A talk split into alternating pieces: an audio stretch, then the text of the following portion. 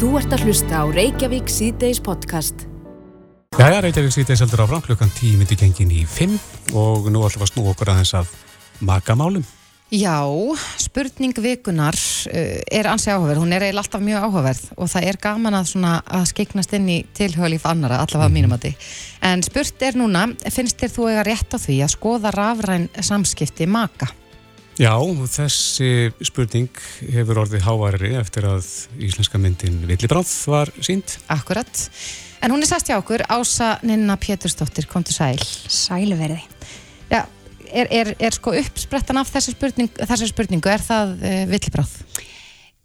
Kanski einhverju leiti en e, það er ekki langt síni spurði líka að því hvort að samfélagsmiðla nótkun maga væri vandamál mm -hmm. Og þetta er náttúrulega helst allt í hendur og mér fannst þetta líka bara svo áhugavert að því að því kannski takja eftir ég spyr finnst þú eitthvað rétt á að skoða rafra samskipti maga mm -hmm. þú veist það ég er ekki að spyrja langar þig eða hefur þau mm -hmm. Nei að því ég held að þetta sé og, og spurningin sem ég hef yfirleitt sko ég hef yfirleitt hugsað þessa spurningu sem svona, þetta er til að vekja fólk til umhugsunar og líka kannski skapa þessu umræði eins og við erum með eigi núna mm -hmm. þetta, hver, hver er réttur okkar við viljum að sjálfsögð ekki að maki okkar sé að leina okkur einhverju, við viljum ekki leina einhverju fyrir makanum, en enga mál, enga samtöl milli vina og milli ættingja eða milli, þetta sem við hefum átt í forstíðinni okkar, við erum í rauninu með veist, dagbækunar okkar í gamla daga. Mm -hmm. brefin sem við sendum á milli enga samtöl sem við átt eru að mestu leiti bara þarna í símanum í þessari tikkandi tímasprengu sem er oft með okkur inn á samfélagsmiðlum Akkur er tikkandi tímasprengu? Ég menna, myndur vilja um, sko Er það stóri lekin? Stóri lekin, hvenna kemur hann?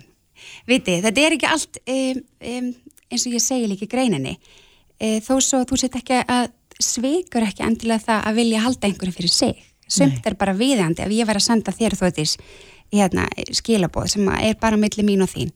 Ég er að segja þér frá einhverjum erfileikum í sambandinu mínu eða ég er að segja þér frá einhverju sem ég vil bara ræða bara við þig. Já, þá er kannski ekki rétt að maki minn hafa aðganga því. Nei, ég að segja það. Þetta er svo, þetta er svo rosalega margþætt og það eru svo margir vinklar að þessu og mm -hmm. það er það sem áhörendur sem hafa sér e, villibráð þú færð að lesa kippi, þú ert að horfa á þetta út frá svo mörgu vinglum, ekki bara út frá veist, þetta er oft svo vegum það til að hugsa bara út frá þessu sem svona svig eh, framjáhald eða eitthvað svo leiðis en það er svo margt annað sem að er við geymum í símanum okkar sem ég held að við kannski áttum okkur hreinlega bara ekki á Nei. Er komið niðurstaði í þessari konun? Já, það, hún er, er hressileg sko, hún, ég ákveða að hafa þetta kynjaskipt sem ég ger stundum Mm -hmm. og það er bara svona af því að það er skemmtilegt að sjá hvort það sé einhver munur og ég hef þetta konur Karlar Kvár Er munur? Um, það er ekkit rosalega mikill en það er aðeins þó og, hérna, og það voru sko e, það er yfirleitt svona meðaltali kannski eftir hversu áhugaverð fólki fyrst spurningi vera núna er næst í 5.000 mann sem tók þátt mm -hmm. sem er alveg slatti Já. en hérna e, núna ég spyrir þess að fyrst er þú eiga rétt á sko rafna samskipti maka Nei aldrei segja 37% hvenna á móti til dæmis 49% eh, karla Já. Já. Þannig að karlar eru meira á því að Já, þeir hafi ekki rétt á því Já. En það eru margskonar svarmöguleikar. Nei, en ég hef langa til þess. Mm -hmm. hef langa til þess, það er segja 11% hvenna mm -hmm. hafa langa til þess en finnst þið samt ekki hafa rétt á því. Það er eitt. Og það er bara svipa hjá körlum, 10% e, Nei, en hef gert það án vitundar eða samþykji smaka það segja 9% hvenna og 8% karla, þannig að þetta er bara svipað. Mm -hmm. En þarna erum við samt að sjá að, að sko það, nú ætlum ég ekki að fara í einhvern hugareikning, en við erum alltaf að sjá að þetta er mikil meiri hluti samt sem er að segja nei, að sem þið finnst það ekki að hafa rétt á því. Já, 37% sem er samt sem að þú segir að, að sér það helmingur, meirin helmingur er samt svona hef langað, hef gert Já. en rétturinn, það verður að segja nei, ég hef kannski ekki rétt á því. Nei. En ég hef gert það, mér langar það, svo er hérna margir sem segja líka 30% hvernig sem segja já, mér finnst ég eiga rétt á því mm -hmm. en bara með vitund eða samþyggi maka já. og þá getur maður hugsað svona aðstæður bara herði, hérna Kristófer hvað séru, Hva, hvað var þetta sína mér þessi samskipti, ég er nú ekki alveg hvað er í gangi hérna, þú veist að leina með einhverju? Mm -hmm. og þá finnst manneskinni hún hafa rétt á og þú hefur ekki, að þú hefur ekki rétt á að segja nei. En ef það er snúið þessu við, finnst þér að makiðinn eigi rétt Já. á að sjá? Ég veldi þessu heilmikið fyrir mér þegar ég hérna gerði spurninguna og fyrsta upplegið mitt var þetta. Svo Já. er það það, þannig að mm -hmm. þetta er í rauninni tveir pólar. Mm -hmm. finnst þér mak, makið þín eiga rétt á að sjá samskiptið þín? Já, en, en myndi ekki allir síðan bregðast frekar illa við ef að ég- ma- maður segir við maka sinn, heyrðu, má ég skoða símaninn? Já, Og hann segir nei, akkurat þá er ég nú ansi tortryggin. Já, akkurat, þetta er, þetta er nefnilega allt fyrir allt eftir aðstæðum Já. og þetta og finnst þér um, það, það er kannski þetta líka já, með vitundið að samþykja maka þá finnst að eiga rétt á því Já. ef þú byður þá er einhver ástæð fyrir því að þú ert að byðja um það mm -hmm. veist, hver er ástæðan fyrir því Já, já. þú þið graunar einhver sveik eitthvað, eitthvað slíkt og svo eru sem ég er svolítið áhugaverst e, það eru 13% kvenna sem segja já, alltaf, ég geri það bæði án eða með vitundar eða samþykja smaka Mhm. og þar er líka, þar er 7% karla Já. Á móti hversu hám, kvenna, já. 13 Já. Þannig það eru fleiri konur sem, sem, að, er, sem að skoða síma já, og finnst þar eiga rétt á því. finnst það eiga rétt að þeim Ég minna jafnvel þó að, að, að makin vita það ekki. Það gæti verið Já. mm. sko, ég velti líka fyrir mig hvort það sé sko, um, öðruvísi nótkun hjá konum og körlum, er við meira að ég veit það ekki Já, en sko ef að maður er, og því ég hugsa bara svona um tröst, Mhm. um, er, er þetta ekki bara spurning um tröst? Maður á ekki að þurfa að skoða síma maka síns Akkurat. nema það að maður bara Akkurat. treysti við komandi ekki. Akkurat, er bara máli og svo er þetta þetta, eh, þetta peeping tom element líka hjá, þú veist með það, í hvernig sambandi ertu? Ég held að þessi, þessi spurning er svolítið áhugaverð fyrir pör að velta fyrir sér, í hvernig sambandi er ég? Finn ég stanslöst þennan, þennan efa frá makanum? Finn, finnst mér hann alltaf vera eh, spyr hann mig hvert skipti sem ég fæ skilabók hver er að senda það skilabóð af hverju að fá skilabók, hvað ertu að skrifa í síman Hva, Já. hvað, hvernig samband erum við þá að horfa á? Og ég til þeim setti spurningum daginn sem var er samfélagsmiðla notkun maka vandamál í sambandinu? Og hún var mjög áhugaverð, þar voru niðurstöðnar mjög afgerandi mjög mikið vandamál eða töluvert mikið vandamál segja e, 34% Vá, það er rosalega hátt hlutvall. já, í rauninni nei, sem segðu bara nei er bara 35% Já. og þarna voru eitthvað um 4000 mann sem tók þátt líka Já, þannig að samfélagsmiðlar eru og bara síma notkun Já. sem slík er að verða að stærra og stærra vandamáli í farsambundum hér. Akkurat og þetta getur verið allavega, er þetta finnst þetta makin verið ómikið í, sam, í hérna á samfélagsmiðlum, pyrrar hegðunin, hegðun maka, þig á samfélagsmiðlum, finnst þetta að deila of miklu, of litlu, ertu pyrrar yfir að makin skul ekki byrta myndir af þér? Ég segi bara svona. Nei, Hvað er hann að fela? Já, Akkurat. hvað er hann að fela? Viti, það er bara svona alls konar hlutir, þetta er, þetta er að verða vaksandi vandamál. En síðan að þessi mynd var frumsýnd, villibráð, og þá fóru margir að veltaði fyrir sig hvort að þetta yrði eitthvað æði. Eitthvað svona samkvæmisleikur. Já, hafið þið heyrt af einhverjum svona matabóðum sem að, þar sem að þessi leikur hefur verið leikinn? Nei, en ég hef heyrt alveg svona, svona fólk er svona eitthvað, ég veit ekki hvað spenningur er þeirri fólki sem er að segja svona, "Æ, ætti við svo að, við þið, ég, ég, ég, ég flest fæstir myndi kjósa þennan leik, sko.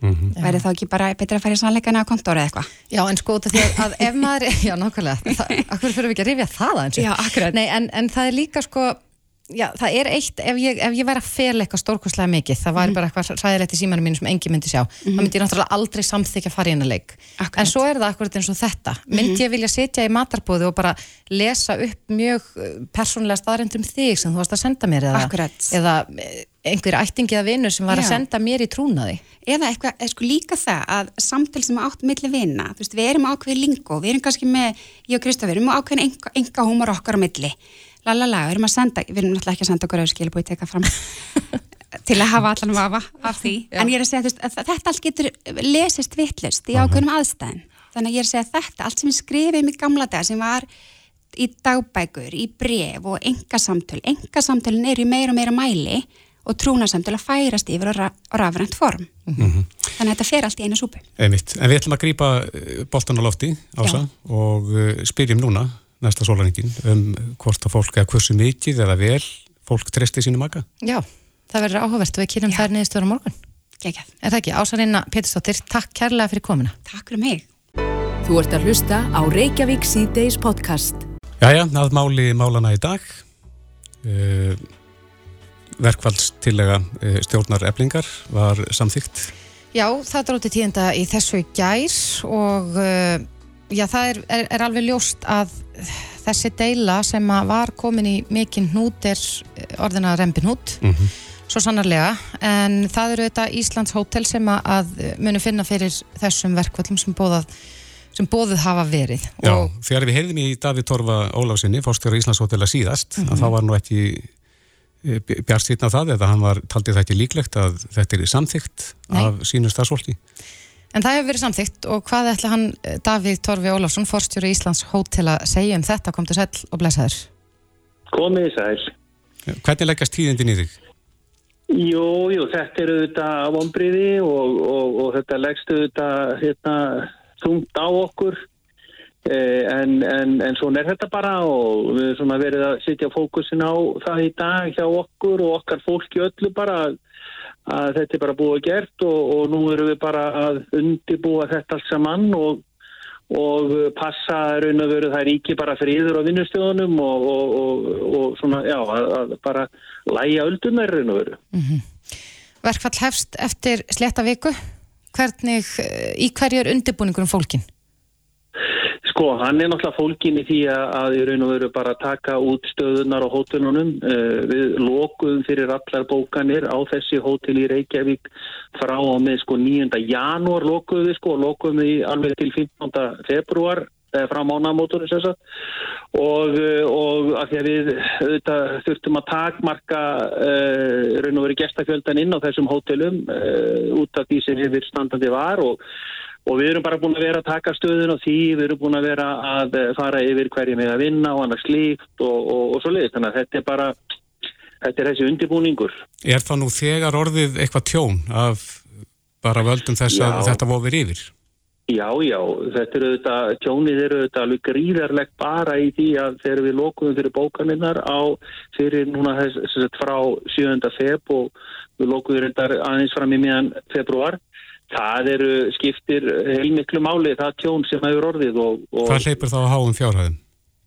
Ég ætla ekki að vera nefninn en að fjárhæði, það borgar sér ekki að mér sko, en, en það bara, og ef að því síðan það verður verkfall og, og það fer að lengjast og að skipta mörgum dögum, að þá ætla ég ekki að, að, þá er það bara alveg gríðalegt tjón sko.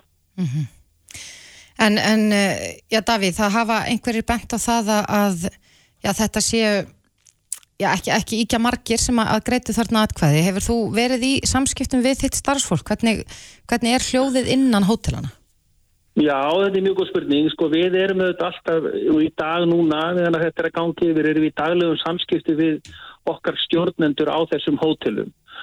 Og uh, það var bara sagt best að segja mjög skrítin stemning þegar að fólk var að koma í vinnun í morgun en, en eins og ég sagði á þannig, við bara erum ekkit að dvelja neitt við þetta, veist, út á hótelunum er bara mikilvægt, það verður ekki röskun á þjónustu, gestir upplifið þetta ekki, þannig að við erum svona lagt áherslu á það að, að, að bara lægi öldunar og, og við erum núna bara einbeitt okkur að því að leysa það, þetta, þetta rísastóra verkefni sem er núna framöndan. Mm. Gengur út frá því að það bresti á verkvall? Ég geng út frá því en ég vona svo innilega að það verði ekki. Einmitt. Davíð Torfi Ólásson, uh, fórstjóri Íslandshótela, takk fyrir þetta. Takk. En uh, snúum okkur aðeins að sérfræðingi vinnurétti, Lára var fjúliustóttir, uh, lagmaður er á línu, kom til sæl. Já, blessaður. Sæl Lára, það hefur verið talað um það mikið núna í vikunni hvort að, að þessi miðlunar til að sem að ríkisáttar sem er lagði fram hafi verið lögð fram með lögmætum hætti og uh, við höfum heyrst af því að, að ebling uh, hefur skilað en stjórnsýslu kæru vegna ríkisáta sem er að hvaða mat leggur þú á þessa stöðu sem er komin? Um, ég get nú ekki séð svona að, í fljótu bræði að, að það hægt sé að halda því fram að, að þessi milla til að sem er einhverjum að hætti ólögumætt að það er náttúrulega bara eitthvað sem að ríkisáttasemjari hefur og getur gert þegar að hann metur það þannig að það sé þörfa því að, að, að bera uh, sattatillegu sem að hann kemur með mm -hmm. uh, bera hana upp við alla félagsmenn eblingar en ekki bara eitthvað örfáa sem að hafa bóðað verkvall Já. eða örfáa sem er í samninganand. Akkurat, í gær heyrðu við Solveig Önnu Jónsdóttur forman eblingar og, og já, maður skildi það svona á henni að, að þetta snýrist í raunum hvort að miðlunar til að hann hafi verið kynnt fyrir eh, samningarnemnd eblingar með nægilega góðum hætti heldur það, já, ef ekki hefur rétt staðið að því, heldur það dugi til að, að miðlunar til að hann teljist ólögmætt? Uh, sko það segir í lögunum með stjættafélag og vinnudælur að það er að hafa samráð eða, eða ríkisáta sem er að skuli hafa samráð við aðila um uh, framlækning og miðla til lögunar. Það þýðir ekki það að, að aðila þurfi að samsykja neitt í því sambandi. Uh, þeim er kynnt að tilstandi að leggja fram til löguna og þeim er þá gefin kostur á því að tjá sig um hana eða, eða eitthvað sem að þeir telja að vera um, um, mega þá betur fara en, en uh, ég sé ekki betur en að, að, að formann eflingar hafi gefist kostir að, að tjá sig um, um þessa tilögu og fundi sem hún átti með uh, ríkisátta sem er eftir því sem að mér skilst. En, en hins vegar þá er þetta mál komið að mér skilst fyrir dóm og, og þess að félagsdómur komið þá til með að Nei, þetta er, er stjórnsýslu kæra sem hefur verið sendt til, til til ráðuneytisins og það er það ráð þeirra að, að, að, að tjá sig eitthvað frekan en það. Já, vinna menn rætt í svona málum þar sem að það ofir yfir verkvall? Það kann að vera. Ég skal ekkert segja það en, en stjórnsýslu kærur svona almennt, það er taka langan tíma mm -hmm. taka fleiri mánuði og jáfnvel ár en, en eh, ég er ekki að segja það að það gildi í, í þessu tilviki.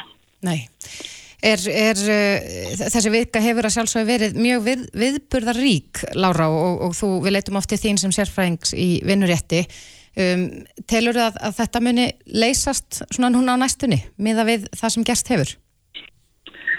Ég, ég sé ekki sérstakann sátt að vilja neinstæðar en, en á endanum þá, þá leysast allar, allar svona deilur uh, yfirleitt með því að, að, að aðila ganga til, til samlinga og, en, en sko það að leggja fram miðluna til auðu uh, þá metur uh, sátt að sem er það þannig að, að það sé bara þörfa til að taka þetta út úr þessum samlinganemndi að taka ákverðunina eða afstöðuna til tillagnana út úr samninga nefndunum sjálfum og yfir til sko félagan eða félagsins. Mm. Þannig að það er allir félagsmenn eblingar sem eiga að kosta því að tjá sig um uh, uh, sáttatilögunni sem líkur fyrir. Einmitt. Í staði fyrir það að það sé bara sko uh, fámenn samninganen sem að, sem að tekur þá ákverðunum.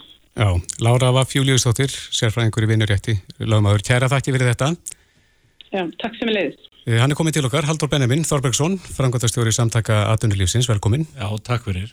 Þetta hefur verið viðbörur ykkur dagur, Haldur, og já, þú heyrði nú að við vorum að tala bæði við Láru af Júliustóttur og, og hann Davíð Torfa Ólafsson.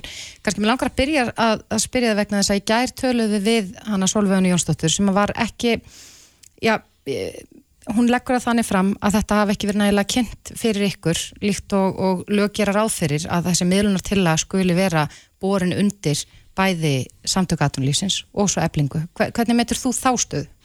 Ég met um hvort hann er eblingar sem á að, að það séu afar veikum grunni byggðar. það líkur alveg fyrir að ríkisátt sem er í bóðaði bæði samningar nefnd samtökatunlýsins og samningarand eblingar til, til hérna, skrafsóráðagerða áður en að laði fram hérna, miðlunatilöguna mm -hmm.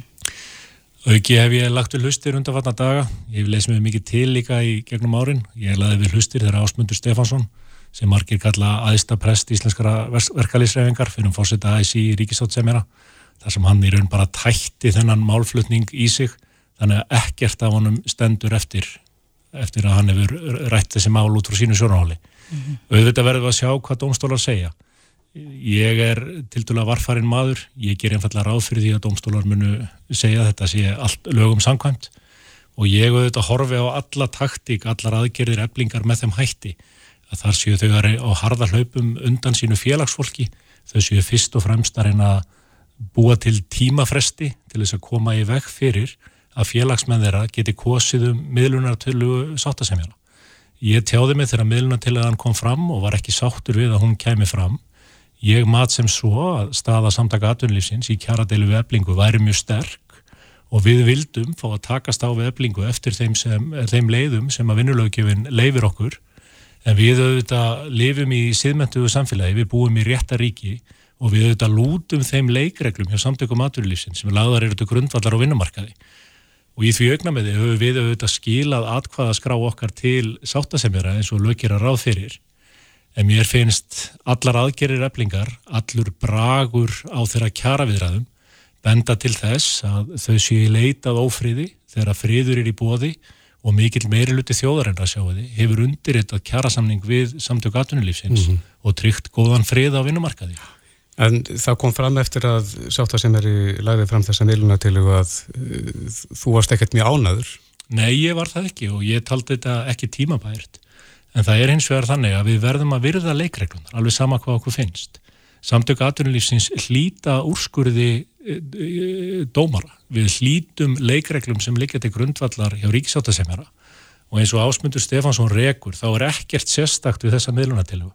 Á undarförnum 30-40 árum hafa verið lagðar fram með þau byrjum 30 miðlunatilhugur og þessi er ekkert sérstakari en nokkur önnur miðlunatilhuga sem lögð hefur verið fram. Það hefur mikið verið gert með það að það þurfi lámarks þáttöku ég bæði aðrunreikanda og verkalýsfélaga uh, í kostningaþáttöku ja, sem þurfa að greiða atkvæðið um millunatilugu til þess að fellana og hvernig skildi það ákvæði nú hafa komið inn í lögin á sínum tíma? Já, það var eftir samráð annars vegar við Alþjóðsamband Íslands og hins vegar við forvera samtaka aðrunlífsins sem var vinnuvendasamband Íslands. Þannig að aðilar voru sammálum það á sínum tíma. Þannig að þetta er nú allur óskapnaðurinn sem þessi umræða snýst um. En þetta er líka orðið ansi flókið mál og ég held að sömur bara skilja ekkit almennilega hvað er í gangi vegna þess að í, í dag berast réttir að því að, að samtöku atvinnulífsins ætla að stefna eblingu fyrir félagstóm já. svo er hérastómur að taka fyrir já, þessa deilu um, um lögmæti miðlunartilögunar og svo er líka ebling búin að leggja fram stjórnsýsli kæru til ráðuneytisins. Já, það er ágætt að þetta er mjög flókið, ég bara tek undir það og í raun finnst mér ótrúlegt hvað almenningur verði samt vera vel með á nótunum í þessu. Við sjáum það dag eftir dag, þetta eru mest lesnu fréttirnar á, á vefmiðlunum og fyrstu fréttir í öllum fréttatímum, mm -hmm. en við getum bara tekið þessi þrjú mál fyrir svona rætt og öruglega. Þessi stjórnsýslu kæra til ráðunæti sem ebling laði fram, góðu lögmaði sagði við mig að þetta var einhvers konar blanda af loftfimleikum og hundakunstum lögfræðinar og hefði enga þýðingu annað en til þessar en að kaupa tíma fyrir eblingu sem er á harða hlaupum undan eigin félagsmannum þegar það kemur að kærunni eða uh, málaferlunum sem likja fyrir hérastómi þá snýst það um fordæmalauðsa afstöðu eblingar sem aldrei hefur komið áður upp að þau neyta að afhenda ríkisáttasemjara atkvæða skrá til þess að hann geti leift félagsmönnum eblingar að taka þátt í líðræðislegum kostningum um miðlunatillugu sem ríkisáttasemjari hefur lagt fram. Þriðja málið sem þið nefnið er síðan stefna samtaka atvinnulífsins á hendur eblingar sem var þingfest hjá félagsdómi klukkan þrjú í dag sem snýst um það að samtaka atvinnulífsins vilja fá úr því skorið og halda því fram að verkfallsbóðunin sem kosið var, sem að greitt voru atkvæðum í gær og við fengum tilkynningu um í morgun frá eblingu að svo verkfallsbóðun sé ólögmætt og hún sé ólögmætt á þeim grunni að ríkisáttasemjari hafi lagt fram miðlunatillugu sem að ebling er með ólögmætum hætti að koma í vekk fyrir að kosið verði um og þar að leiðandi teljum við að þessi verkfallsbóðun sé ólögmætt og að félagsdómur muni úrskurða í að samfélaginu og samtökum maturlífsins í vil. Býstu við að það verði af verkfalli? Það er alltaf erfitt að spá, sérstaklega um framtíðina og sérstaklega um framtíðina þegar um er að ræða mál sem eru fyrir domstólum. Samtöku aðtunlýfsins eru fullkomlega ábyrgur aðili í þessu samfélagi og við erum ekki að eigða tíma að domstóla nema við teljum að við séum í ríkum rétti og það séu verulegar líkur á því að, að dómur muni falla okkur í hag. Að ég vona það besta en þegar að kemur að samskiptum við fóristu eflingar þá óttast ég hefð vesta og útiloka ekkert. Mm -hmm. Solveigana Jónsdóttir sagði í viðtalin á vísi.is í dag að, að hún vonaðist til þess að samtöku atvinnlýfsins myndu loksins koma niður á jörðina. Uh, hva, hva, um hvað snýst þetta svona í grunninn? Akkurat eins og staðan er núna? Já, ég er nú sannileg ekki best til þess fallin að skýra hvað gengur á í kollinum á Solveigana Jónsdóttir og hvað hún á við með orðum sínum. Hins vegar get ég sagt að á umliðnum vikum hafa samtöku aðtunlýfsins náðu kjara samningu við næstum því alla verkalýsleitu á landsins. Mm. Ringin í kringum landið, við höfum samið við ádján félöginar starfskarnarsambandsins, öll nema eblingu, við höfum samið við öll verstunumannafélögin, öll yðnaðamannafélögin og flest sér, sérfélög innan viðbanda verkalýsleifingarna. Nú síðast meira segja við félag bankamanna. Einn aðili hefur skorið sig algjörlega úr Allir samningafundir samtaka aðtunlífsins við öll verkalýsfélög hafa gengið fyrir sig eins og samningafundir er að ganga fram. Þar takast menn á, komast á neðustöðu og undir þetta kjara samning. Á samningafundum með eblingu eins og ríkisáttasemeri hefur orðið vitnið að hefur aldrei náðst neitt efnislegt samtal. Þau hafa mætt eins og fræktir orðið tug, í tugum á hvern samningafund og samtalið á þeim fundum hefur aldrei náðst uh, á neitt skrið.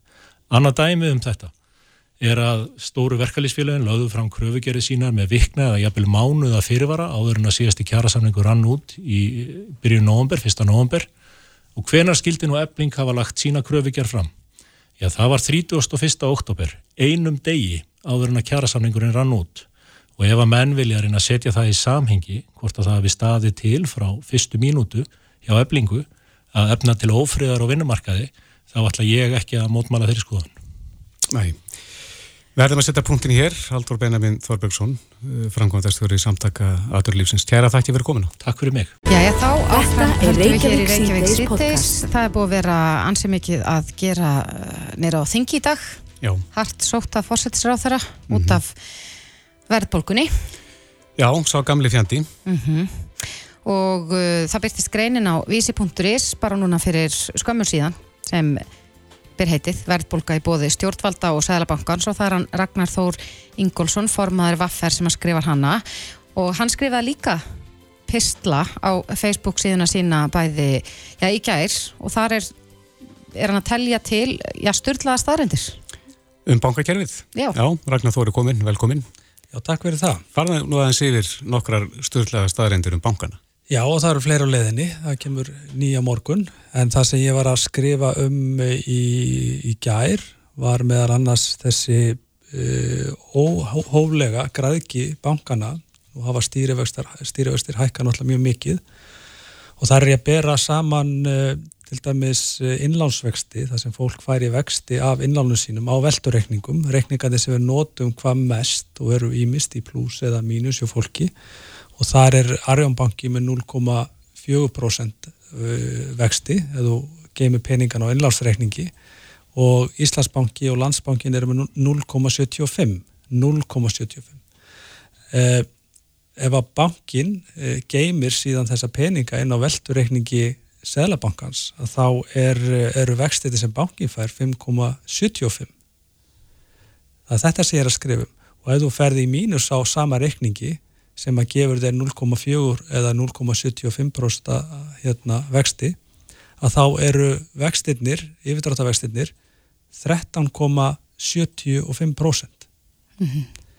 uh, yfirdráttavextinnir hafa hækkað uh, uh, til japs á við hækkun stýrivexta á meðan hvað ég segja innlánsvextinnir á sama reikningi hafa hækkað 0,05% í 0,4% Uh, náttúrulega bara brota brota af því sem að uh, stýrivæstir hafa hækkað. Hefur þetta ekki alltaf verið svona?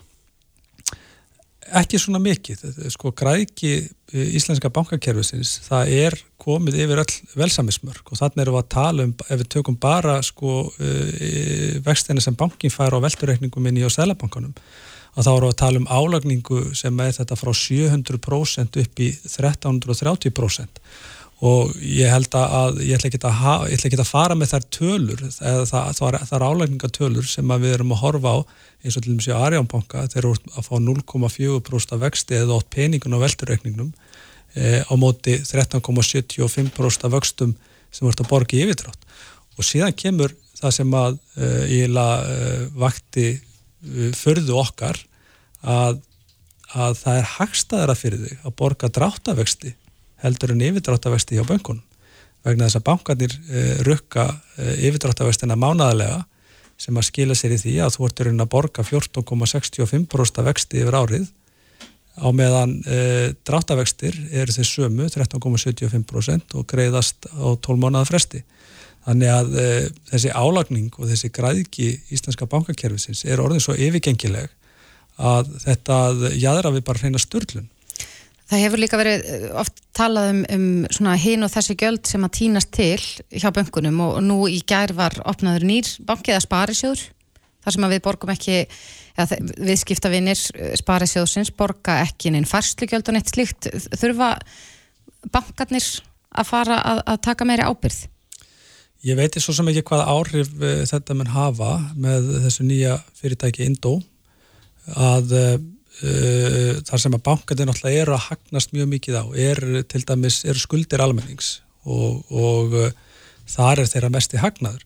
Ef við tökum bara reynar vakstatekjur uh, bankana, reynar vakstatekjur bankana árið 2021 þá hafa þar aukist núna á þessu ári fyrstu nýju mánuði ásins hafa reynar vakstatökju bankana aukist um tæpa 20 miljardar.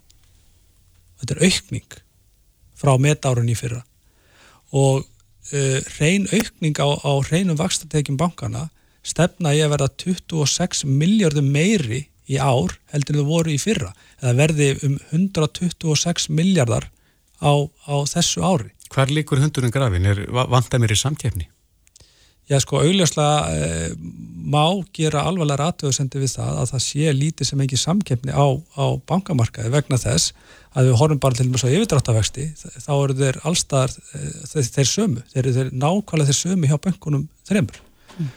og eh, ef við tökum til dæmis, við vorum að taka saman tölur frá Creditinfo um afkomi fyrirtækja árið 2021 þá koma mjög aðtiklisverða staðrindir í ljós og ég með byrta þetta á, á fjersbókinni hjá mér á morgun fyrir fólk að sem hefur áhugað þessu vil skoða að þá e, e, högnuðust e, sérst, voru, e, fyrirtækin högnuðust um, um, um 440 miljardar á, á árið 2021 og af því voru bankar og fyrirtæki í átæringastarðsemi með 28% af öllum hagnaði í aðkerfun og það sem að meira er að, að ef við berum þetta sama við sjávarútvegin og framleiðsluna, alla framleiðslu eins og áleiðinaðinn og, og sjávarútvegin að þá var, var sjávarútvegur með 15% af heildarhagnaði og yðnaðurinn, álframleyslan og, og framleyslufyrirtæki með 9% en bankakerfið er með 28% af öllum hagnaði.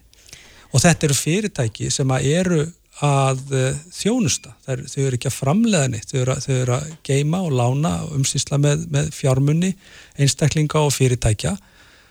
Og uh, þetta er orðið svo mikill bakki á, á samfélaginu og, og sjá þessa aukningu sem að Sæðlabankin er búin að vera íta undir með, með uh, fordamalessum stýravastahækkunum að og þessi álægning að, og sjálftaka sem bankandi stunda Uh, hún er eiginlega bara svo óheyrileg að uh, við höfum verið að benda á þetta yfir lengri tíma og hvati þess að, að, að hér verði til dæmis lagður á bara kvalreika skattur á fjármálafyrirtækin eða sérstaklega bankana þá sér í lagi til þess að standa til dæmis undir uh, stuðningi við fólk sem er að slegast undan vakstabyrði til dæmis af, af óvörtriðum húsnæðanslánum og þá er ég að vísa í fólk sem að náði ekki eða, eða fristi ekki vexti á sínu lánum það sem að greiðslubyrði hefur hækkað um, um, um 100.000 og jafnvel meira mm -hmm. á hverjum einasta mánuði.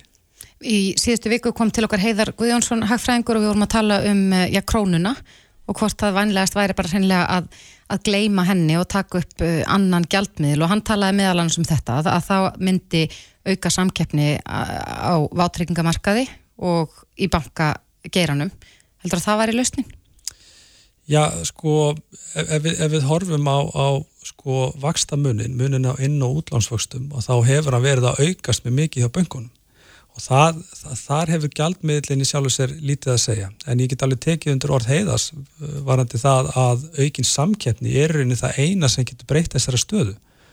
Og við uh, uh höfum séð það, það sem að samkeppni hefur aukist, það sem að er að koma inn fyrirtækja markað Uh, og eru svona að, að, að koma inn, fáke, inn í fákjefnisumhverfi eins og Íslandi að það eru í einu skiptin sem að hafa orðið einhver raunverulega breytingar til hagspóta fyrir neytendur. Og ég get vísað í mörg dæmi þess eins og mm. korta þegar korta koma markað uh, stóru eins og kreditkort og, uh, og vísa börðust mjög harkalega og reynda að fá lögjafan til að stíga inn í á sín tíma. Báhás, þegar Báhás kemur inn á byggingamarkaðin og svo framvegis og svo framvegis. Það eru mörg dæmi um breytingar en þetta verðist alltaf fara svolítið í sama farið aftur. Mm -hmm. Það er ekki bara Heiðar Guðjónsson sem hefur nefnt þetta, félagið inn í verkefliðspolitikinni, Viljami Birgisson.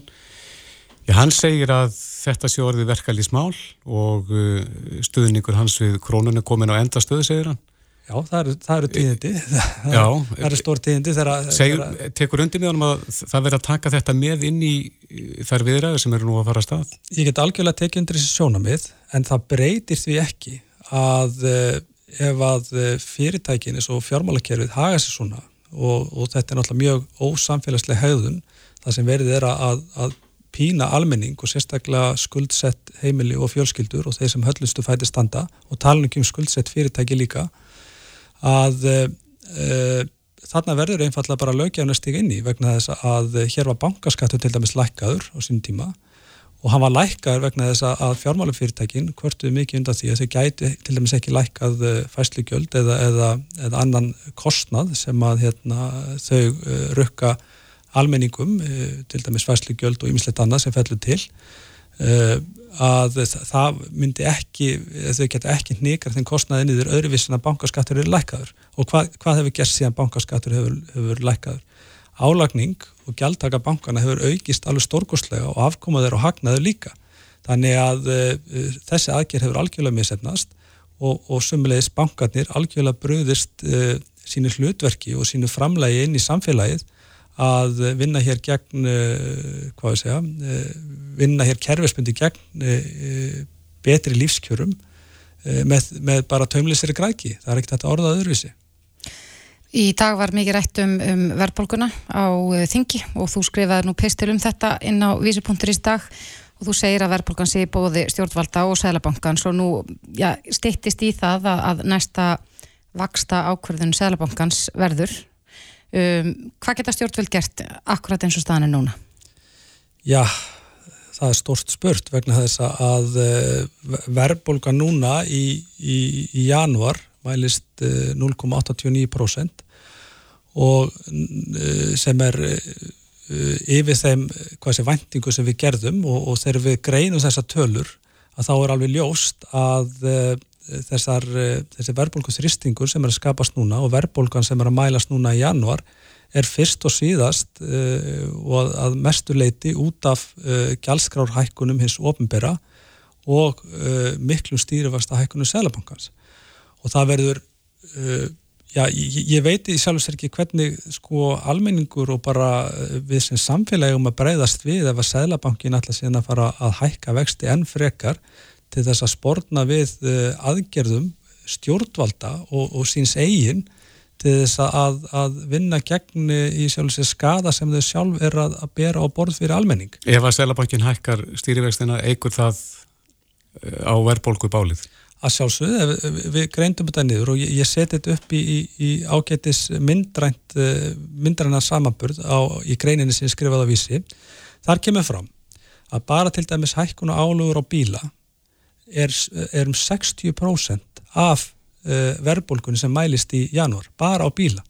Hitti og rafmagn hafa hækkað um 9,7% og síðan uh, er húsnæðiskostnaður, greittur húsnæðiskostnaður, uh, hann er, hann er, sérst, honum er haldið uppi núna, sérst, hann, hann er stór áhrifavaldur líka í, í, í aukinni verðbólku og það er fyrst og fremst vakstakostnaður heimilana sem er að þrýsta þeim kostnæðilið upp inn í vísitörum mm -hmm. og svo er allt annað eftir eins og sé allar aðrar verðlarsækkanir sem hafa komið frá sveitafjölugum og hennum ofnbæra. Rétt aðeins í lógin, hver eru þín skilabóð til bankana? Já, slá á þessari tömlisu græki, það er, það er einu skilabóðin en bankandi hlust ekki. Þannig að skilabóðin mín hljóta að vera til stjórnvalda að hér þurfa að setja á mjög vanlegan bankaskatt og hér þarf selabankin að stíginni líka Eh, til þess að, að, að eh, segja, trappa niður þessa taumlusu græki sem að bankandir hafa sínt í íslensku þjóðunni, bæði fólkin og fyrirtækjum, það verður einfalla að stíga inn í núna vegna þess að þetta getur ekki gengið svona til lengdar. Já, í blálókin, Ragnar Þór, nú erum við búin að tala mikið um, um eh, já, eblingu og, og samtök atvinnlýsins og þessa deilu og miðlunar tillöguna sem að ríkisáttar sem er laðið fram, hvernig metur þú stöðuna eins og, og hún er núna? Hún er náttúrulega mjög uh, þröng þessi staða, augljóslega en ég, ég bendi á það og hef gert að það er ástæði fyrir því að nánast öll stjættafélag á landinu og öll landsambund á landinu hafa stíðinn og gert alvarlegar aðtóðsendi með yngripp uh, sáttasemjara. Og uh, líka uh, þessi já, snembúinu yngripp og ég bendi á það að ég er nú búin að vera í þessu síðan 2009 í samninga nefnd Vaffer, fyrst í stjórn og síðan sem formaður að það heyri freka til undantekninga heldur en hitt að við náum að gera kjærasamninga við samtöku aðvunlýfsins á þess að vera búin að búa til verkvalla.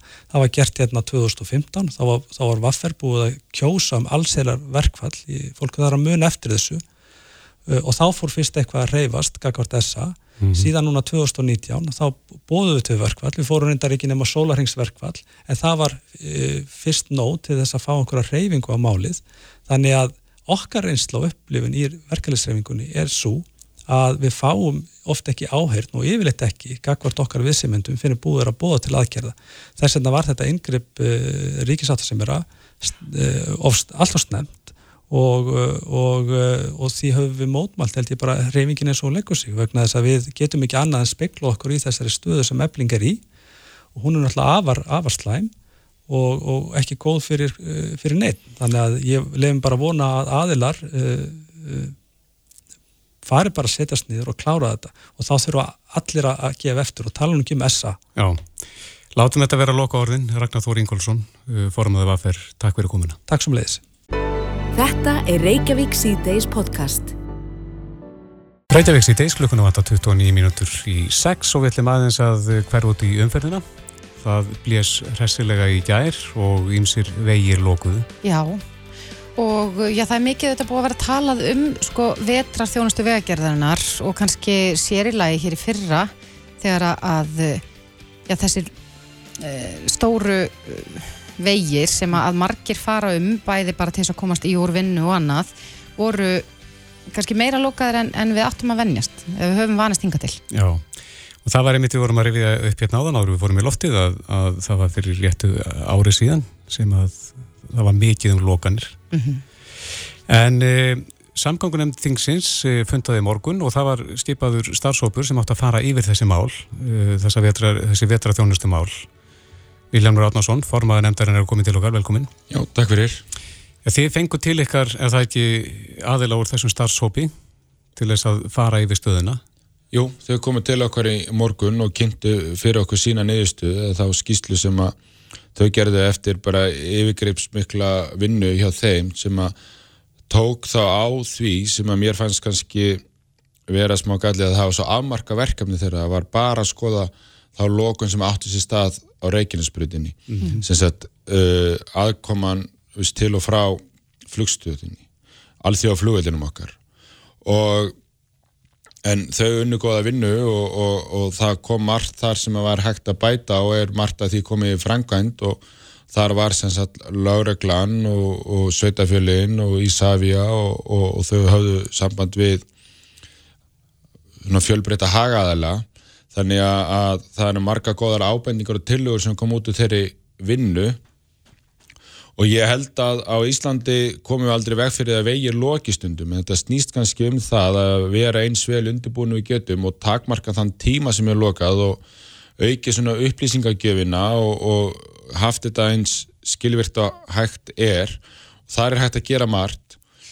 Og það sem ég held að við þurfum að gera núna í framaldi er bæði að horfa á almannavarna þáttinn að því að að það eru oft sem eru heilu byggðalögin eins og Suðunisum með 30 manna byggð sem að býr hérna óháð flugullinu og, og svo eru vinnasóknarsvæði að stækka eins og þekkjum hinga austu fyrir fjall að fjölmar fólk að flytja á höfuborgarsæðin austu fyrir fjallin vinnur áfram á höfuborginni þetta er stefna stjórnvalda saman að sveitafjölög við erum að auðlýsa Ísland allt árið í ferðarþjónustunni og annað slíkt. Og og þetta getur bara skapa mjög mikið almanvarn ástand. Og mér finnst að við þurfum að skoða þetta svolítið út frá því. Voru neyðar aðalar að komast? Hvaða atriðu komist upp þarna? Viðst, eins og mínu heima bæjarfélagi Grindavík er náttúrulega oft náttúruvá uppi vanandi jarðhræring og annað slíkt.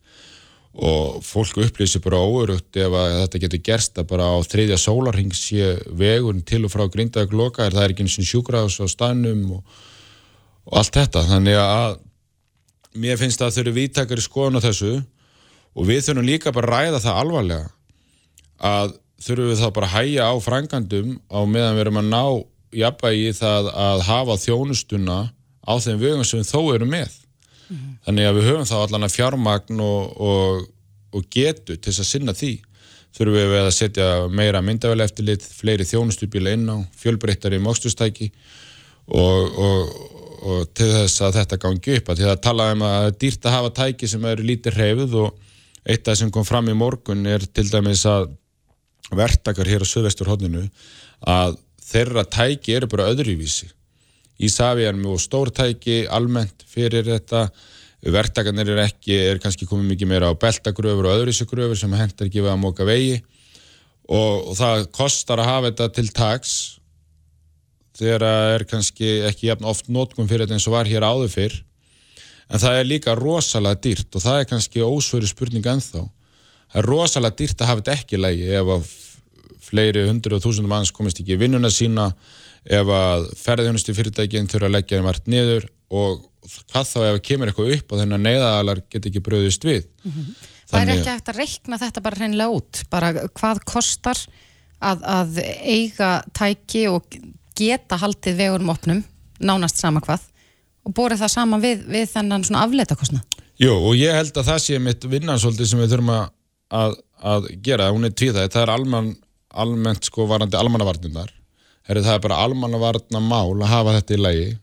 Og þarna kom upp kannski og er, hefur komið ofta einu sinni almannavarna ástand og því á að rýna það eftir að sanga almannavarna lögunum og ég held að svo vinna þurfa að fara fram en svo líka bara hvernig ætlu við, hvað þjónustustegu ætlu við að hafa sem samfélag og hvað er samfélagslega hagkomast er það að setja aukinn kostnad í vetraþjónustu og bara almenna þjónustu á vegakerfinu að því að það getur umist komið upp á annað en óveður líka í vegakerfinu sem við þurfum að geta bröðist hratt við og, og hérna og hver er samfélagslega kostnaðurinn að því sko. En hefur, hefur verklegi þátturinn eitthvað breyst? Það er að segja er að menna að gera eitthvað öðruvísi núna heldur en maður gerðu áður vegna þess að það er meira um lokanir e, núna setni ár heldur en, heldur en á fyrir árum?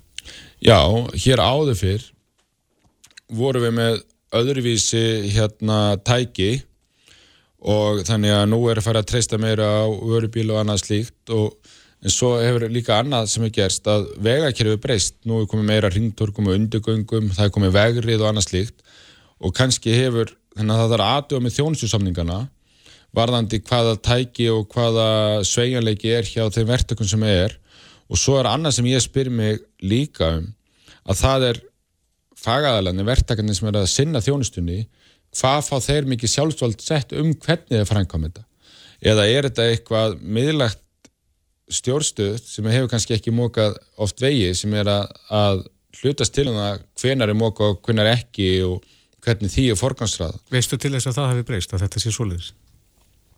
Uh, ég veit ekki til þess endilega að samningarnir hefði breyst en, en, en, en það hefur verið breytt um verktaka og það er kannski hérna misjætt um hvernig verktakarnir framfylgja samningnum og, og, og, og hvernig hérna, samskipti vegagerðar og verktaka gengur á annars lík sko. Þannig að, að maður hefur alveg heyrt dæmi um að það hafi breyst og að, að að, viðst, að það hefur verið ágríningur millir verktaka og vegagerðarinnar um það hvernig, hvernig og hvernar á að móka og, og það er kannski misjamt svona hvernig svo, þau samskipti skilja sér svo mm. í opninu vegana. Það skiljið er rétt uh, hafa verið gerð mistök varandi hönnun vegana.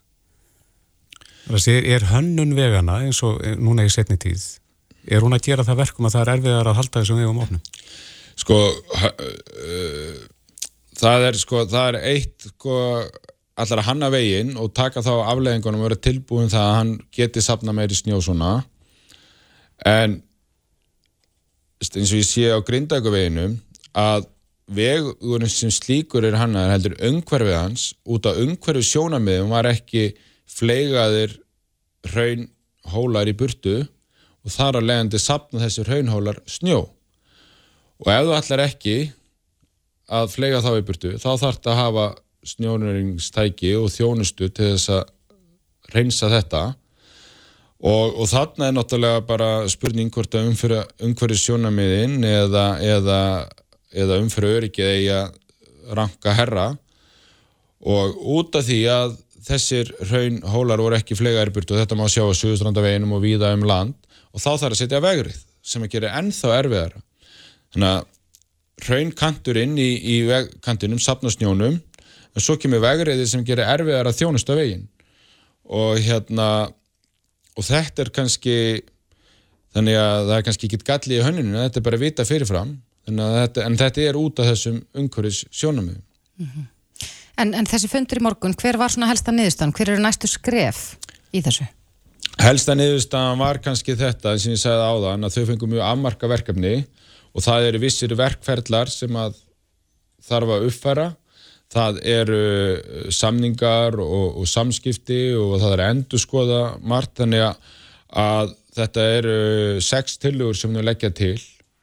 Þannig að niðurstaðan er held ég svo að, að við erum búin að læra helling af því sem kom upp þarna og það ætti að koma í veg fyrir það að svona launglokkan komi aftur og eins og ég sagði á þann, við getum aldrei útlöka vegir lokista á Íslandi, við þurfum að takmarka tíman Þannig að niðurstaðan var að það voru svona að þeir sem að mættu og, og, og voru til staðar gerðu allt mjög vel og unnur þeim aðstæðum en það er fullt af aðrinn sem er að bæta til þess að koma í veg fyrir þess að aðstæður komi upp aftur sko. mm -hmm.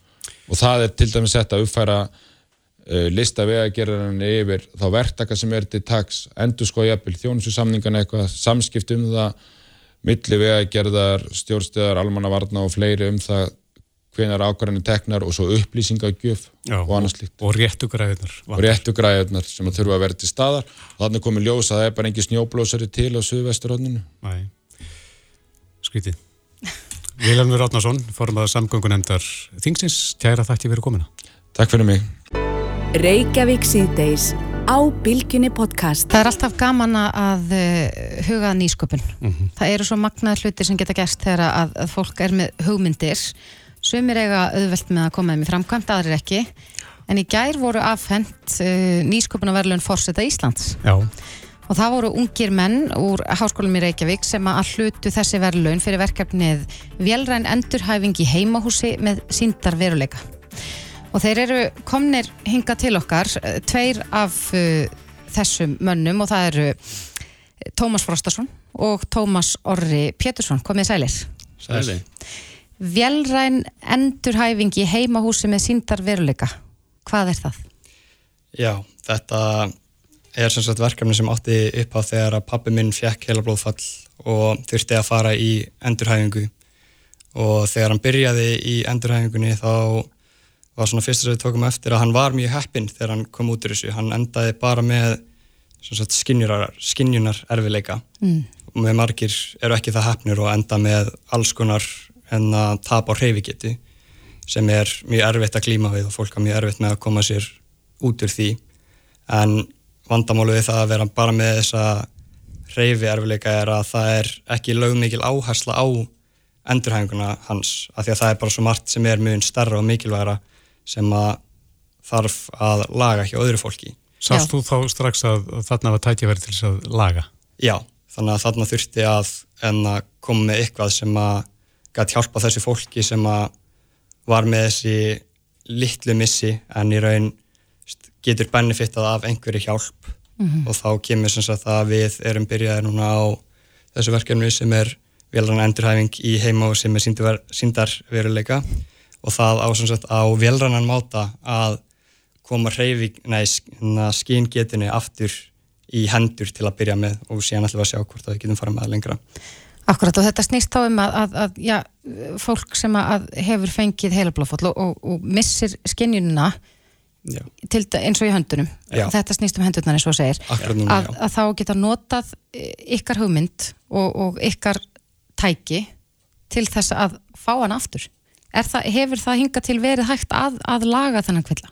Hingað, hingað til hefur þetta verið hægt, já, og það hefur verið gert á mörgum. Já, við erum í rauninni bara að reyna að færa ferðla sem eru nú þegar til á þessum endurengastöðum með yfirþjólum og sjúkvæðþjólarum mm -hmm. í heimahús og gera þetta á velrannan og endurstakana máta. Lýsið eins fyrir okkur hvernig þetta tæki virkar? Er, er þetta stórt tæki? Um, ég myndi segja að þetta sé ekki rosastórt. Þetta er eitthvað sem getur alveg fælast með. Þetta er bara svona kassisa og getur tekið, ef þú ert að fara í ferðið eitthvað þá getur þú ennþá tekið þetta með þér til að mhm. halda áfram æfingunni inni en þetta er ekki eitthvað sem þú getur sett í vasan eða eitthvað þannig sko. Þetta er kannski svona 50-60 cm á breytt og 30-40 20-30 Og vinnur með þá símanum? Og vinnur með símanum, já, þannig að þú verður að hafa síma á þér til þess að geta hérna, haft communication við við tæki sjálft Mhm. og eins og þetta virkar er að þú setur slæmi höndinu hérna sem þú ert að reyna að fá endurhæfingu á og setur hana á tækið eða platta sem við erum með og þeir eru á einhver ákveðinu hittastíð setur vondu hendina á og út frá því gískaru hvað þú heldur að hittastíð er og þegar þú ert að ný, nýbyrjar í sendurhæfing þá hefur þú oftast ekki mikla hugmynd um það þannig að það er líka svona mæluleiki um batan þú veist hvað sem Já. mikið ert að bæta með vikunum og til þess eru við að spurja hvað heldur þetta sé. Þá getum við bara plottað graf um að sjá hversu vel þú ert að bæta þig. Um, og síðan þú ert búin að taka þetta gísk þá getur þú sett góðu hendina hérna á og þá getur þú mynda þessi tengsl í heilanum um það hvað þetta var í raun og veru. Af því að Mhm. það sem þetta snýst um er en þú vissir þetta fyrirfram. Þú ert bara að hérna, endurhæfa glatað eða tapað tapaða minningu eða tapað skín Já, en, en það er náttúrulega mikið talað um það að, að það er mikið álag á heilbríðiskerfunu, nánast hvert sem maður lítur og bygglistar víða. Er, er þetta stór hópur af fólki sem gæti nýtt sér þetta í að, að já, fara í þessa endurhæfingu heima í staðin fyrir að keira milli staða og bóka tíma og bara verið stanslöst í þessu heima á sér? Já, þetta er alltaf einhverju sko, það, veist, það eru 600 manns að með minnir á Íslandi árlega sem fá heila bróðall það, það væri þá einhver hlut af, af því fólki sem að væri að díla við þessar ráskan sem við erum að tala um Mhm. og það væri þá hópur sem við erum að skoða Mm. Er, er þið búin að kanna það? Er, er svona græja hverki til? Er þetta einstakt í sinni röð?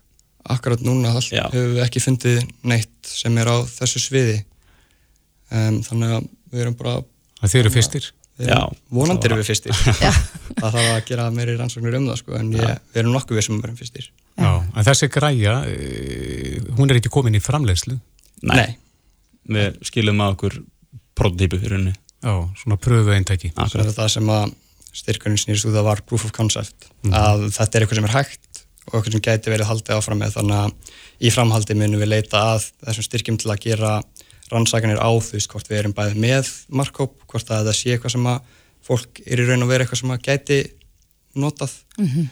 og svo eftir það munum við gera líka rannsóknir um það hversu vel þetta er að virka og hvort þetta sé eitthvað sem er endilega betra heldur en að fara bara í endurhæfingu. Og eftir það þá getum við kannski farið í það að sína þau gögn fram og þá getum við kannski sótt um einhverja fleiri styrki til að fara að koma þess að marka Sigra heiminn En það er nú oft þannig að, að já, maður nýtir sína persónulegu reynslu eins og þú í þessu tilviki til þess að, að reyna að finna lausnir á einhverjum vanda. Hefur, já, hefur pappiðin verið með þér í þessu? Já, að, að prófa prototípuna og, og fleira? Já, pappi minn sem sagt en var umsjónamaður verkefninsins og hjálpaði okkur mjög mikið og kom okkur líka í samstarfi þá uh, Kormák og Sveinbjörn hjá Nox Medical sem að voru bara gríðarlega hjálp og mjög þakklátti fyrir allt sem þeir gerði og pappi hefur verið líka mjög djúlegur að fá að prófa svona tækið og sjá hvernig það virkar og við höfum verið að nota hann svona sem tilrunadýr. Akkurat. En þið eru ekki bara tveir, þið eru þrýr í þessu verkefni. Ef ekki að nefna þann þriðja sem er hérna eins og stóð á stitta Að sjálfsögðu, Axel Pálsson líka, þið voru þrýr sem fenguð þessu velum. Hvernig, hvernig leði ykkur í gær þegar að þið fenguð þetta? Þetta, þetta var rosalega spennu fall sko. Það var skemmtilega óvart sko. Já, byggustu ekki við þessu? Þetta var alltaf, alltaf möguleiki sko en aldrei ráð bjuggumst fyrir við þessu. Við vorum allir mismunandi sko, við byggum mismikið við þessu, já, svona. Ég skulum nú vona að þetta ná í flugi og ykkur takist þetta ætlunaverk. Það eru margir sem að koma til með að hagnast á því. Já. Er það ekki? Ég verði líka alltaf bara jafn heisa þegar ég, þeir eru 21 árs gamlir. Bara magnað að hugsa til þess hvað, hvað framtíðin er björt þegar við sjáum ykkur vera að leysa svona vanda sem að margir klíma við. En Tómas Frostarsson og Tómas Orri Pétursson og ekki að sko ónefndu honum Axel Pálssoni sem er hér líka. Um, takk kærlega fyrir komuna og gangi ykkur svakalega vel. Takk fyrir það, bara takk fyrir að áhugur. Reykjavík síðdeis á Bilginni podcast. Það verður að segjast að eh, sumir trúa á drauga, Mhm. aðrir ekki. Ég held að fleiri trúi á drauga heldur en viðurkenna það. Já, og svo hefur maður oft, oft heyrt alls konar draugasögur, misgáfulegar. Mhm. Ég til dæmis myndi ekki verið mitt litla líf horfa á einhverja svona mynd, bíómyndir sem tengjast draugagangi og því ég held ég myndi bara ekki sofa Já, nokkra daga þar eftir. nei, það eru sumir þar. Já, en svo hafa margir líka sagt að þetta sé bara einhverja góðar vættir og leifar af gamlum tíma. Já, svo eru til æsla draugar. Já, Segja sumir. Segja sumir, akkurat. En það geta verið verðmætti falin í draugum, íslenskum draugum. Já, þetta er, ég hef séð það víða um heim að það er hægt að fara í svona, já, svona draugaferðir, bara hérna eru gönguferðir og, og heyra draugasögur. Og við rákumst á það að í ferðamálafræði við uh, Háskóli Íslands, Mhm. að þá var ung kona að skila reitgerð um drauga Reykjavíkur. Já, það er hún Mattildur Hjartadóttir sem er komin til okkar, velkomin. Hei, Hvernig er þetta fyrir huga að skrifa um drauga? ég bara hef alltaf haft gaman á draugasögum Mhm. Og sérstaklega íslenskum draugasögum og ég hef alltaf fundist að, að það var ekki nógu mikið skrifað um íslenska draugur á svona aðgengilegan máta, mann það er svolítið að grúska eftir Mhm. sögunar. En þetta er í ferðamálafræði. Hver, hvernig tengist það draugum, ferð, ferðamáli? Sko, ég fór að hugsa út í svona draugagöngur eins og er til allstaðar í heiminum og svona það eru ákveðin staðir í heiminum sem eru þekkti fyrir draugagang. Og þau ná að laða að sér ferðamenn annað með því að auðlýsa já það er draugagangur hérna. Eins og til dæmis annað The Outlook Hotel annað í Colorado sem Shining var tekið upp í. Já. hún er frekar þekkt fyrir það að vera reynd. Já. Þannig að margir fara þarna til þess að sofi í ykkur herbyggi og lendi í ykkur spooky. Og já. Já, er, er sko maður hefur auðvitað heyrt margar draugasögur hér í Reykjavík. Væri hægt að hafa svona ferðarþjónustu hér? Bara ganga um miðbæ Reykjavíkur og fara draugaslöður? Já, það er svo sannlega hægt og sérstaklega í miðbænum að þetta er elsti parturinn á Reykjavík og það er rosalega mikið öll söguna sem ég sapnaði fyrir ferðina mína voru sögur sem voru til í þjóðsagu söfnum. Mm. Þannig að það eru ritaðar heimildir um að einhver hafi lendi í einhverju á þessum stað. Og þannig að það er alveg hægt, það er alveg fullt af stöðum. Ég held ég hafi fundið um, ég skrifaði um svona 13 staði held ég, Mhm. ég vil meira, en ég fann svona 50 sögur. Já. Bara í þjóðsagasöfnum, sagnagrunnur, annað í smús íslenska menningararfur, síðan svona ímiskonar bækur sem hafa komið út um reymlega í Reykjavík. En eru þessir staðir, er þetta heimahús eða fyrirtæki eða? Sumt af þessu eru heimahús, uh, flest af þessu eru fyrirtæki samt, sem ég skrifaði um. Hvaða fyrirtæki? Nú, bara, nú er svo forvitin. Sko, Þess, hvaða staðir í, í miðbæ Reykjavík eru þekktir fyrir þetta? sem eru þekktið, hann hann náttúrulega þjóðleikhúsi, Mm hún er svolítið þekkt fyrir að vera reynd og Iðnó, um, síðan er bankstræti 0 þar sem klósetin eru, Hall, eðna, á móti Hallgrímskirkju, skólaversið 45, ég held að það sé hótel núna, Já. Kaffi Mokka er vist mjög reynd, hann að, ég er svo E- að fara í hugan, Já. Austræti 8, Já, er- eru nýlegar sögur eða er þetta allt gamlar? Þetta eru, það eru til nýlara sögur en það er bara því miður ekki mikið á þeim. Nei. Þannig að það þarf einhver snillingur að fara að skráa sér sögur áður en þau verða tindir. Akkurat, en, en þú segir frá því hérna sko að, að, já, að þetta gæti verið bara svona góð insýn inn í það þegar maður er að skoða gamlar draugasögur úr miðbæ Reykjavík, hvernig fólk lifði. Já, eins og ef mann lítur á þá var einn saga sem gerist í HP Dús sem var svona fisk, fiskþörkunarhús. Það sem HP Dús var, það er núna orðið svona minnigröfveslun. Þannig að þegar mann lappar og mann hugsar út í þessi sögur og mann segir þessi sögur þá sér mann allt öðruvísi önnur Reykjavík. Já.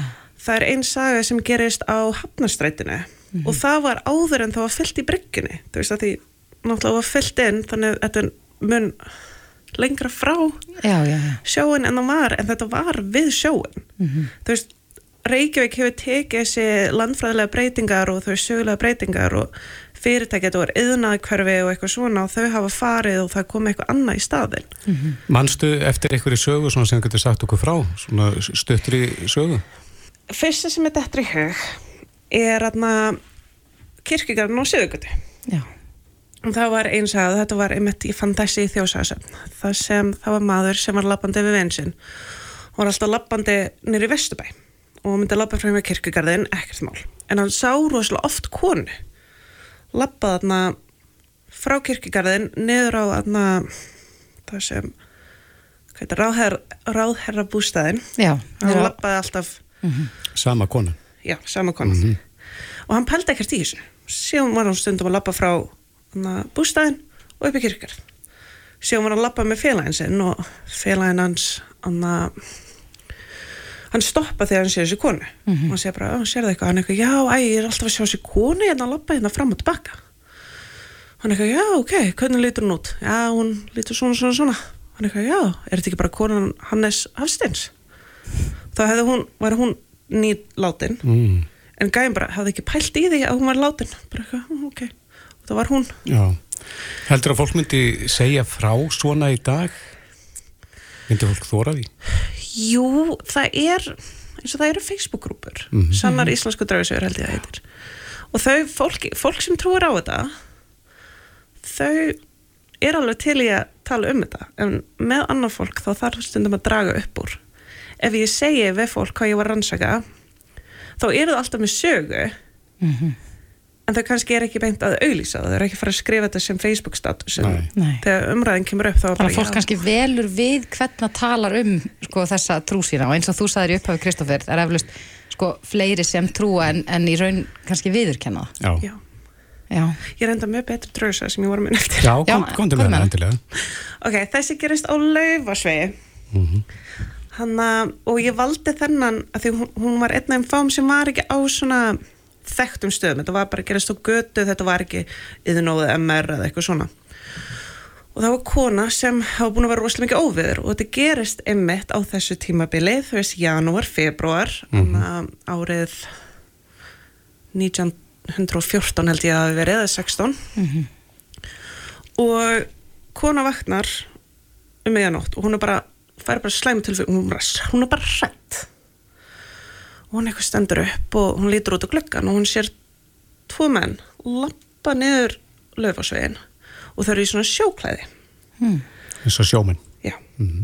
og og hún eitthvað, þú veist, hún bara horfir á þeim og þau eru bara ekkert að pæla í neinu það er óg sem ekki óviður og þau eru bara eitthvað lappandi og ekkert hljóð kemur frá þeim eða neitt, þau eru ekki spjallað saman, þau eru bara að lappa og hún bara eitthvað, ok, þú veist þetta er spes, fer aftur að súa síðan nokkrum dögum setna frettur hún að því að það hefði tvö svona tóraskip sökkið og á einn af þessum skipum voru tvo bræður sem byggja á laufasvegin Já. og hún heldur að þessi menn sem hún sá Mhm. hafi verið þessi bræður að fara heim til sín Já. Eftir að skipi fórst. Ég fæ smá hroll við að heyra þetta. Já, hári rísa. Já. aðeins. En, en uh, já, þessi reitgerð sem þú skrifaðir, ætlar að gera eitthvað meira með þetta? Eh, Þurfum við á sko, drauga göngu að halda hér í, í miðbæri Reykjavíkur fyrir ferðamenn til dæmis eða okkur Íslendingana? ég væri til ég að gera meira með það. Mm ég bara veit ekki hvað. Það væri rosalega skemmtilegt. En fyrir mig þá er það líka svona er áhuga fyrir þessu þú veist, ég myndi segja já, það er áhuga að vera með rosalega mikið afsagna arfi og þú veist, menninga arfur og þú veist, við erum með fullt af þessum sögum. Það er bara, þessi sögur er allstar Já, þetta er bara hluti af svona þjóðasögunni. já, Já, þessi trú. ég myndi vilja sjá meira svona þjóðfræði ferðir og meira svona að vera að tala um þjóðfræðin okkar af því hún er svo merkileg. Hún er svo flott. Og það er endalust af sögum og þetta er ekki bara draugsögur, þetta er líka álfasögur og tröllasögur og Höldu fólk og, og allt þetta sem við höfum trúað á í gegnum árin. já, Já, þannig að þetta vantar í ferða þjónustuna ég myndi segja og það markaði fyrir. já. Já. Já, þetta er spennandi. Matthildur Hjartardóttir, kæra þakki fyrir komuna og við vonum bara að þú látir verða af þessu og við munum koma í daginn til þín í draugagöngu. já, alltaf velkomin Takk. Hlustaðu hvena sem er á Reykjavík C-Days podcast.